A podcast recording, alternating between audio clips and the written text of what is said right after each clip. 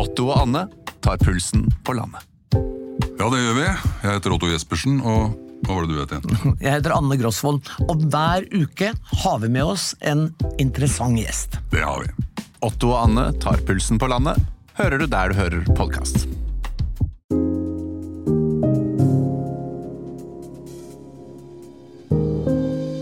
Fredrik og Kadafi, en podkast fra TV 2. Ingvild, sitter du godt? Ja, sånn passe. Jeg er litt sånn høyt oppe ennå, men nå, som vi sier i Bergen, setter jeg ræva nedpå. Ja, flott. Velkommen. Tusen takk. Drikker du i arbeidstida? Nei. Jeg drikker aldri i arbeidstiden. Jeg spytter i arbeidstiden. Så nå når jeg har snakket med dere, så skal jeg f.eks. på en vinsmaking, og da skal jeg smake sånn 35 viner ganske kort etter hverandre. Og så skal jeg hente barn på trening og 35 viner. Ja. Men, men er det ikke noe av dette som liksom glir ned i ganen? Jo, altså Vinmonopolet de har gjort eh, noen eh, forsøk på dette. For de, de, altså, de, de tenker jo at, at, selv om du har det ganske kort i munnen, vil noe bli opptatt gjennom slimhinner og sånne ting. Men det holdt seg eh, man, eh, Nei, det var Altså, det, det, er for lite til at det kan gi utslag. Mm. Sånn at når jeg skal eh, Jeg syns det er veldig stor forskjell på når jeg smaker en vin. Hvis jeg skal vurdere så må jeg spytte. Det er liksom min måleenhet. Men når jeg chiller hjemme, så drikker jeg jo. Jeg glemte egentlig å introdusere deg først. Det kan jo være at det er en og annen der ute som ikke vet hvem du eller jeg eller Kadafi er. Det kan hende. Alle og, vet hvem Kadafi er. Ja, og jeg er nå meg. Men du, Ingvild, du er da altså Jeg sier jo ofte somalier, men det heter sommelier, eller? Ja, og jeg pleier egentlig ikke å bruke det ordet i det hele tatt, for det er så uh, det, Og vinskribent. Er det er bare et, enda et av de der vineordene som er vanskelig. Så jeg er journalist i bånn. Jobber nå som vinanmelder og forfatter. Og så er jeg Ja, jeg smaker på vin og sier om den er god.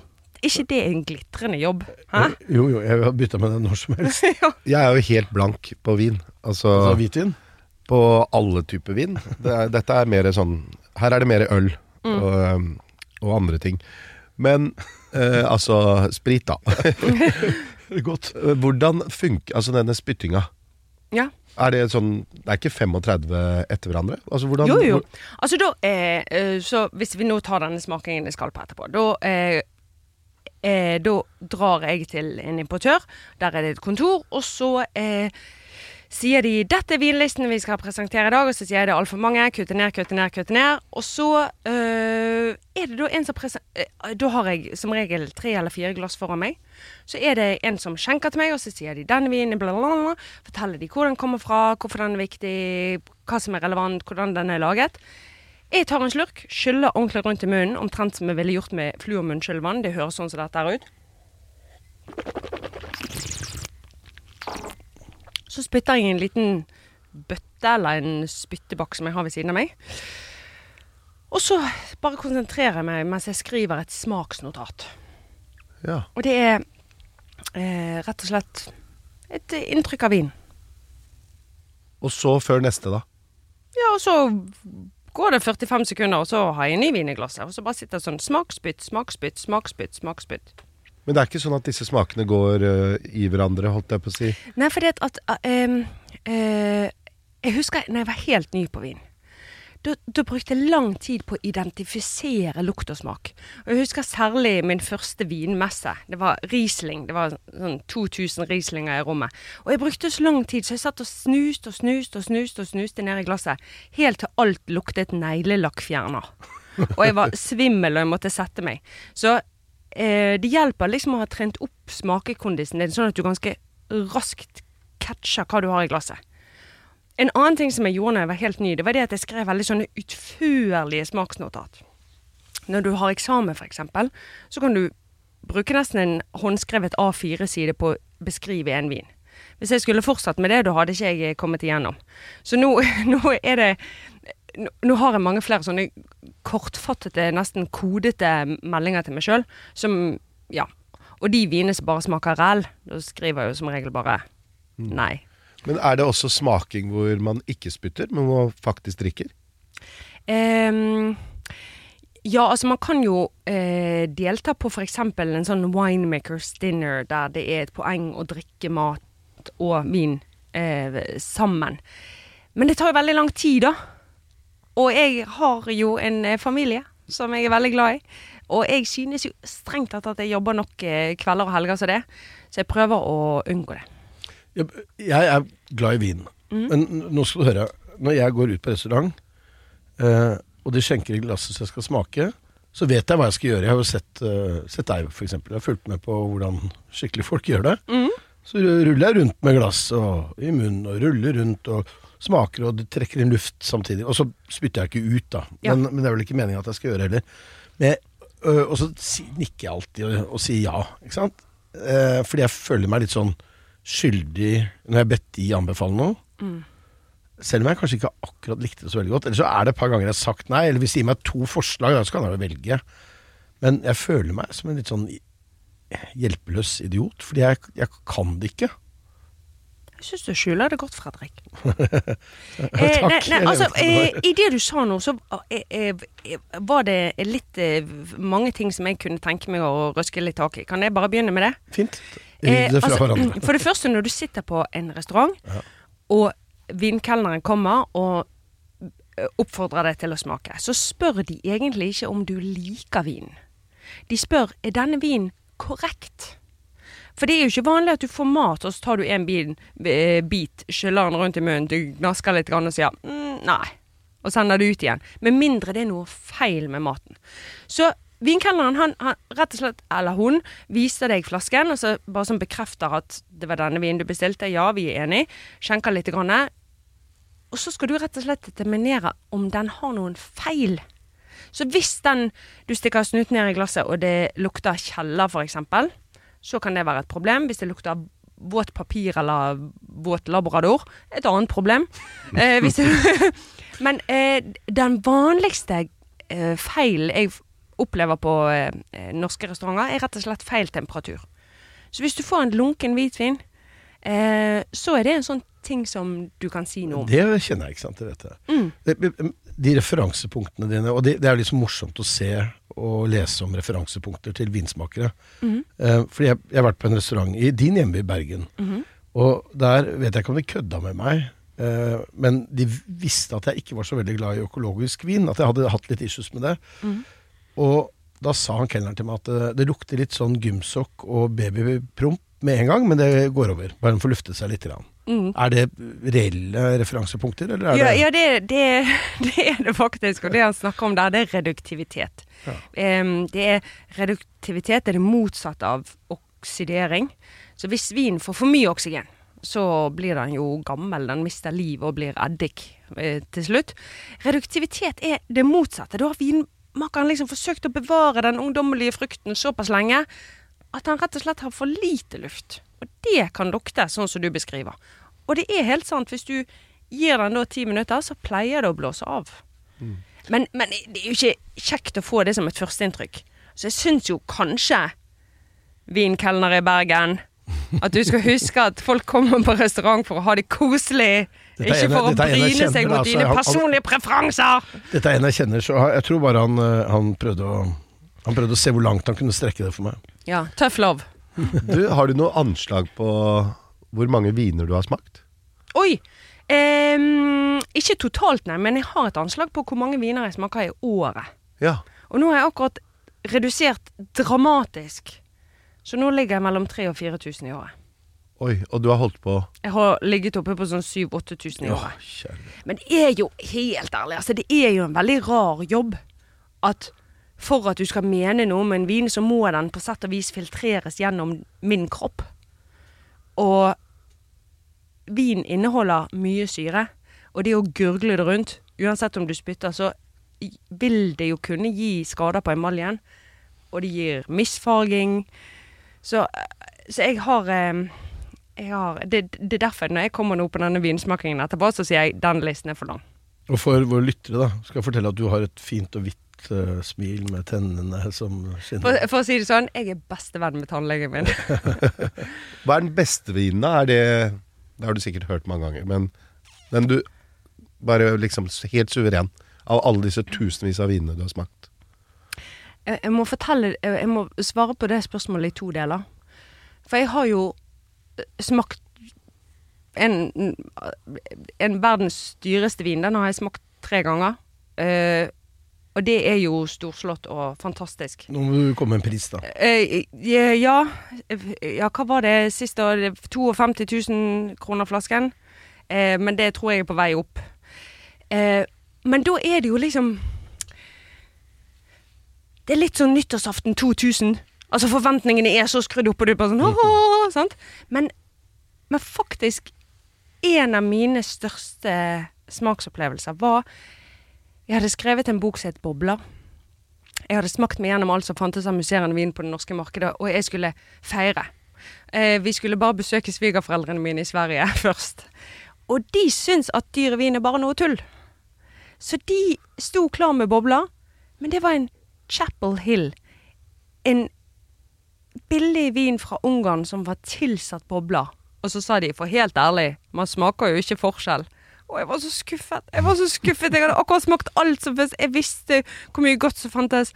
Så da sa jeg liksom mellom sammenbitte tenner til mannen min sånn Når vi kommer hjem, når vi kommer hjem, da skal vi ha noe så sinnssykt godt!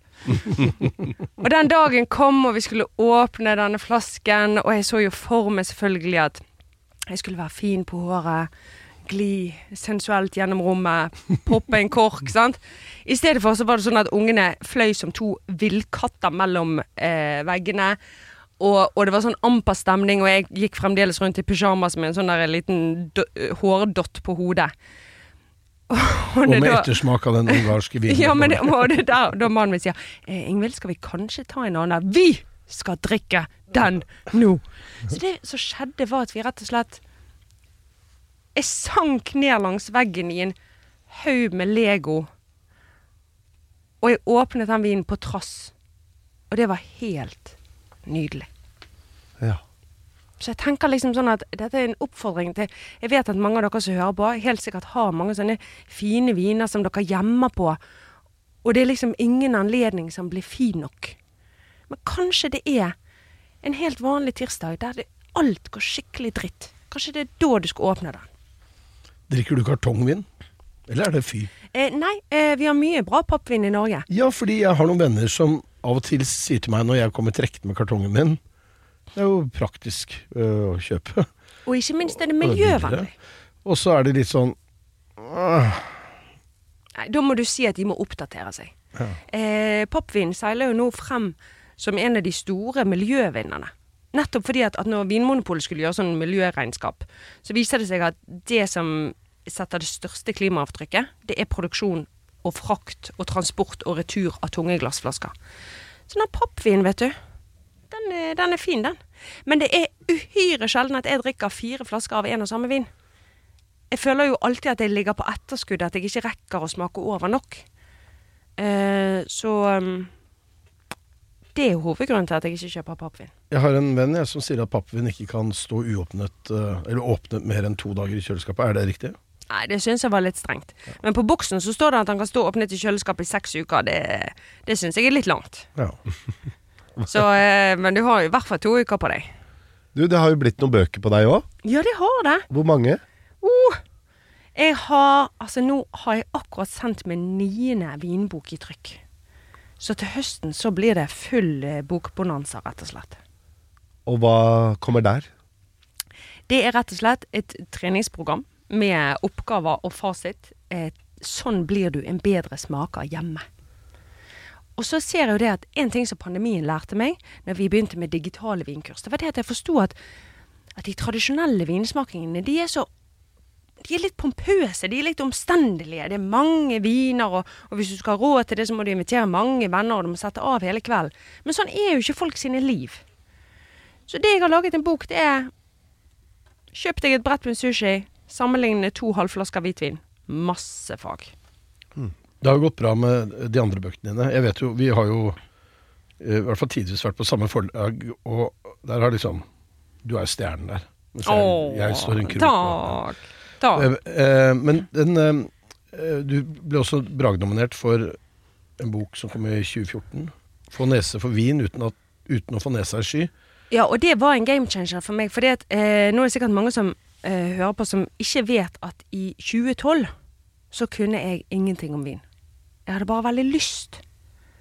Og så hadde jeg lyst til å Hva hadde du jobba med fram til da? Nei, da var jeg journalist i magasinet Dagbladet. Så jeg hadde jobbet litt i Bergens Tidende, Dagens Næringsliv-magasinet. Eh, og så hadde jeg lyst til å lære meg vin. Og så opplevde jeg hele, hele miljøet som så stengt. Og, og språket helt umulig. Og det var jo litt sært for meg, for jeg jobbet jo med språk, og jeg forsto ikke hva som sto i vinanmeldelsene. Og det er her da det ene tar det andre. Men jeg sender altså da en søknad om stipendpenger uh, som jeg ikke tror jeg skal få. Og jeg tror at det er fire personer som skal lese den stipendsøknaden. Så jeg jazzer den litt opp. Så de sa ja, hva heter prosjektet ditt da? Bli verdens beste vinjournalist. Så det som skjer, det er at jeg får de pengene.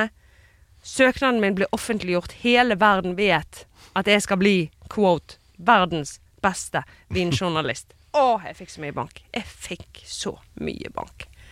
Ja. Dere er jo eh, Ver verbal juling, da. verbal juling, og jeg tror jo at begge dere to er ganske mye mer sånn herdet på eh, hissige kommentarfelt.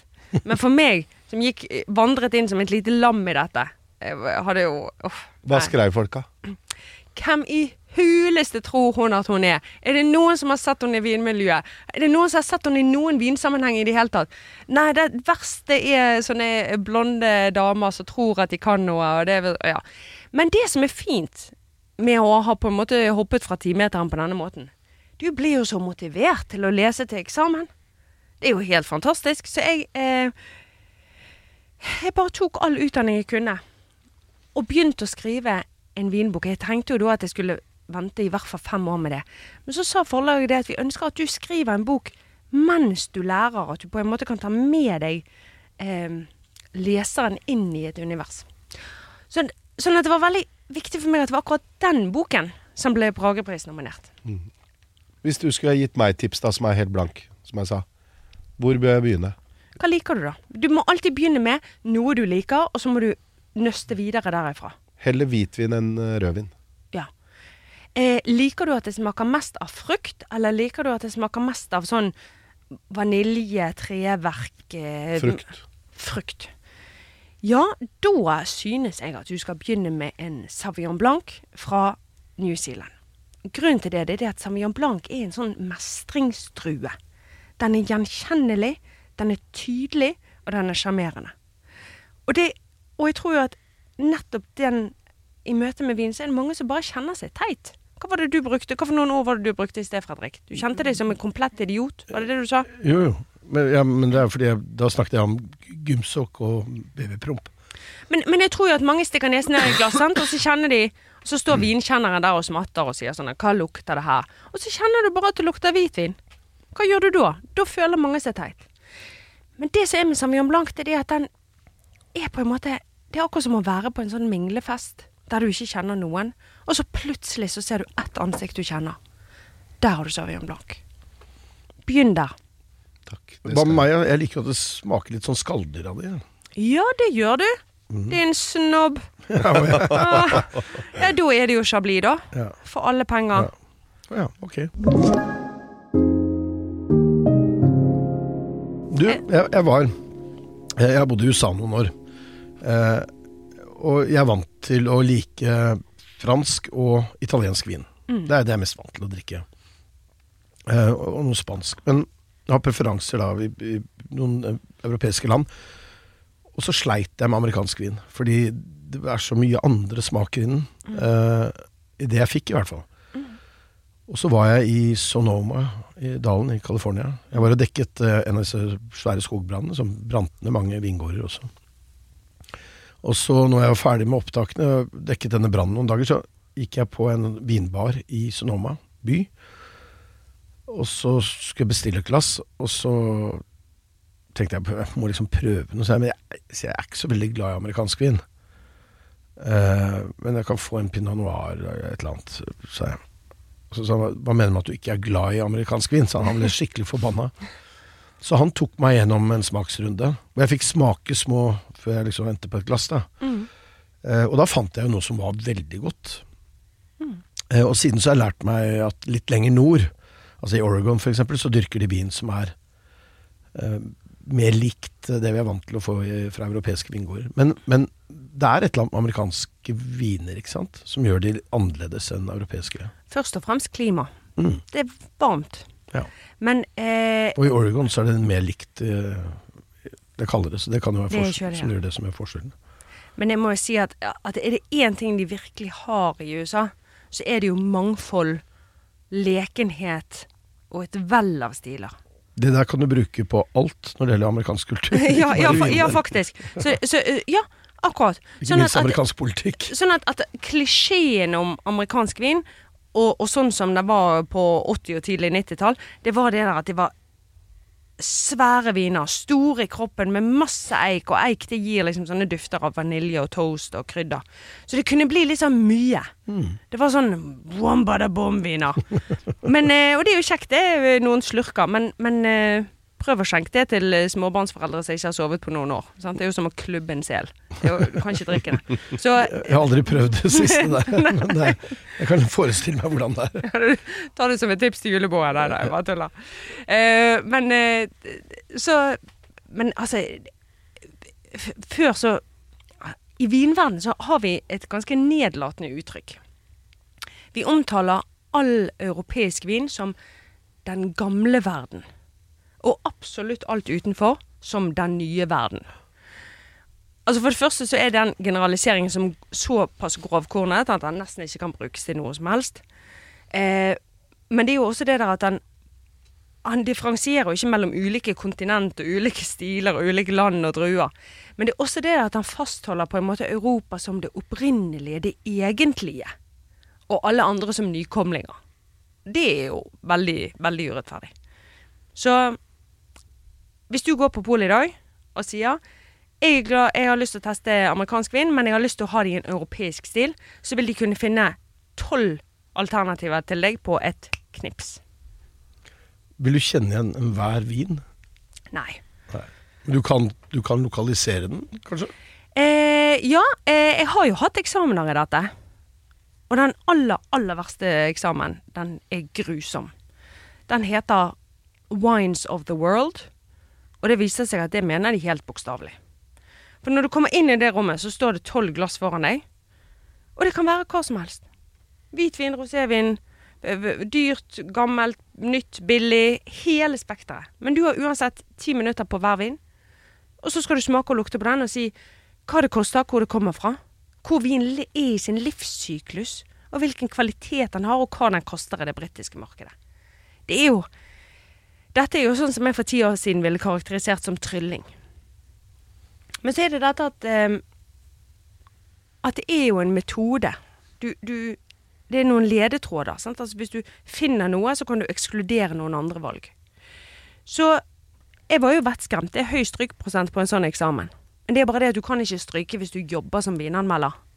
Da er du jo litt fucket. Hvem er det som har disse testene? Eh, dette er noe som heter Wine and Spirit Education Trust. En engelsk utdannelse. Jeg liker den veldig godt. For det at de er presise. De vektlegger eh, essay-formen og sånn. Så jeg liker den veldig godt. Men eh, jeg sto på den eksamen. Det gikk veldig fint. Jeg var jo så lettet etterpå at jeg var helt eh, kake. Men det å trene til blindsmaking, det er som Det er ferskvare, altså. Jeg har jo klart å løpe et halvmaraton nå, men, men det er ikke sånn at jeg hadde reist meg i dag og løpt et halvmaraton. Og sånn er det også. Jeg, jeg vet ikke om Hvis jeg hadde gått ut fra dette studiet nå, hadde jeg nailet den eksamen. Det vet jeg ikke. Men jeg hadde nailet den hvis jeg hadde øvd. Drikker nordmenn for mye dårlig vin? Eller billig vin? Jeg er Eller? faktisk kjempestolt av nordmenn. Wow. Jeg syns at vi er rett og slett blitt et modent vinmarked. Så du, kjære lytter, du er antageligvis belest og bereist. Veldig mange har, om ikke de er rike, så har de i hvert fall en avslappet økonomi. Jeg opplever at eh, nordmenn er avanserte, flinke smakere som nyter. Jeg er stolt av de. Hva, hva er forskjellen da på oss og Eller hva, hva er liksom Er det Frankrike som er det beste vinlandet i verden? Seriøst, jeg syns at vi er bedre enn franskmennene. Ok. Fordi at både franskmenn og italienere De har så veldig regional tenkning, sant? Altså hvis du, hvis du er i Piemonte, som jo er et av de store vindistriktene i Italia, så får du jo masse vin fra Piemonte. Men de har et nabofylke, Veneto. Og hvis du spør om vin fra Veneto, så blir de sur på deg. I, hvis du går inn i en vinsjappe i Italia, så eksisterer ikke Østerrike som vinland. Altså, de har kanskje to flasker ræl fra Tyskland. Eh, men, men altså så, så det er akkurat det at, at de, nettopp det at de drikker så regionalt, det gjør at de ofte får et litt lite sammenligningsgrunnlag. Mens nordmenn, se på de, da. De tester og prøver nye ting og Ja, jeg er stolt av de. Hvilket uh, vinområde skal du reise på ferie til i sommer? Ferie og ferie, fru Blom. Oh, ja. Jeg skal til England for å jobbe. ja. Men de har blitt så gode på champagne, jeg har hørt. Eller på, på Ja, på museene, da. Det er akkurat derfor. Sånn at nå med global oppvarming, det endrer jo spilleregler i hele vinverden. Ja. Og dermed så glir England opp som kanskje den største konkurren eh, konkurrenten champagne noensinne har sett. Men fremdeles så snakker vi om engelsk vin, altså som en samlebetegnelse. Mens når vi snakker om fransk vin, så har vi gått opp hver region og hver vinmark og hver parsell. Så jeg skal rett og slett ta med meg mann og kids, reise til England og jobbe der i seks uker. Så da, da skal du smake litt uh, Det skal Engelsk men, jeg, men det jeg mangler sant? Jeg er jo en asfaltjente fra Bergen. Jeg er liksom praktisk talt født under den blå steinen. Jeg trenger, eh, jeg trenger litt vinmarkserfaring. Så jeg skal rett og slett iføre meg støvler, en søt liten uh, tweed-dress, bare for å eh, look the part. Og så skal jeg eh, Dra på revejakt og drikke vin. Eh, og, nei, altså, jeg, jeg tror at de kommer først og fremst til å sette meg til sånn kjedelig arbeid som å rengjøre ståltanker og sånne ting. Men det blir gøy, det. Jeg må kjøpe meg sjøstøvler, da. Jeg har jo bare høyhælte sko. Men så er jo det store spørsmålet, da. Ble du verdens beste vinjournalist? Åh, I'm working on it. I'm working on it. Nei, men, eh, men det jeg synes at jeg har klart eh, i løpet av disse ti årene, det er å bidra til å endre måten vi snakker om vin på. Jeg har, jeg har faktisk virkelig klart å finne andre ord, åpne opp og rive ned. Sånn at det ikke lenger bare er en Altså, når, når jeg begynte, så var det jo vinklubber. Det var veldig sånn eh, litt sånn frimurerpreg over det. Nå, nå er det jo vinsmakinger på hvert nes, og jeg skal ikke ta æren for det, men jeg har gitt et bidrag inn i eh, å tilgjengeliggjøre og ufarliggjøre vin. Ingvild, jeg er helt enig med deg. Takk. Kaddafi skal vi bare si at det er slutt her nå, og så blir vi med Ingvild bort for å smake på Var det 35 viner du skal Jeg kan si at jeg må ha med meg to smakeassistenter, jeg. Nydelig. Jeg. Fortsatt god sommer. Her i studio sammen med Ingvild Tenfjord, Kaddafi Saman og Fredrik Resvik. Teknisk ansvarlig Mikael Skorbakk, produsent Maja Gjertum og redaktør Karianne Solbrekke.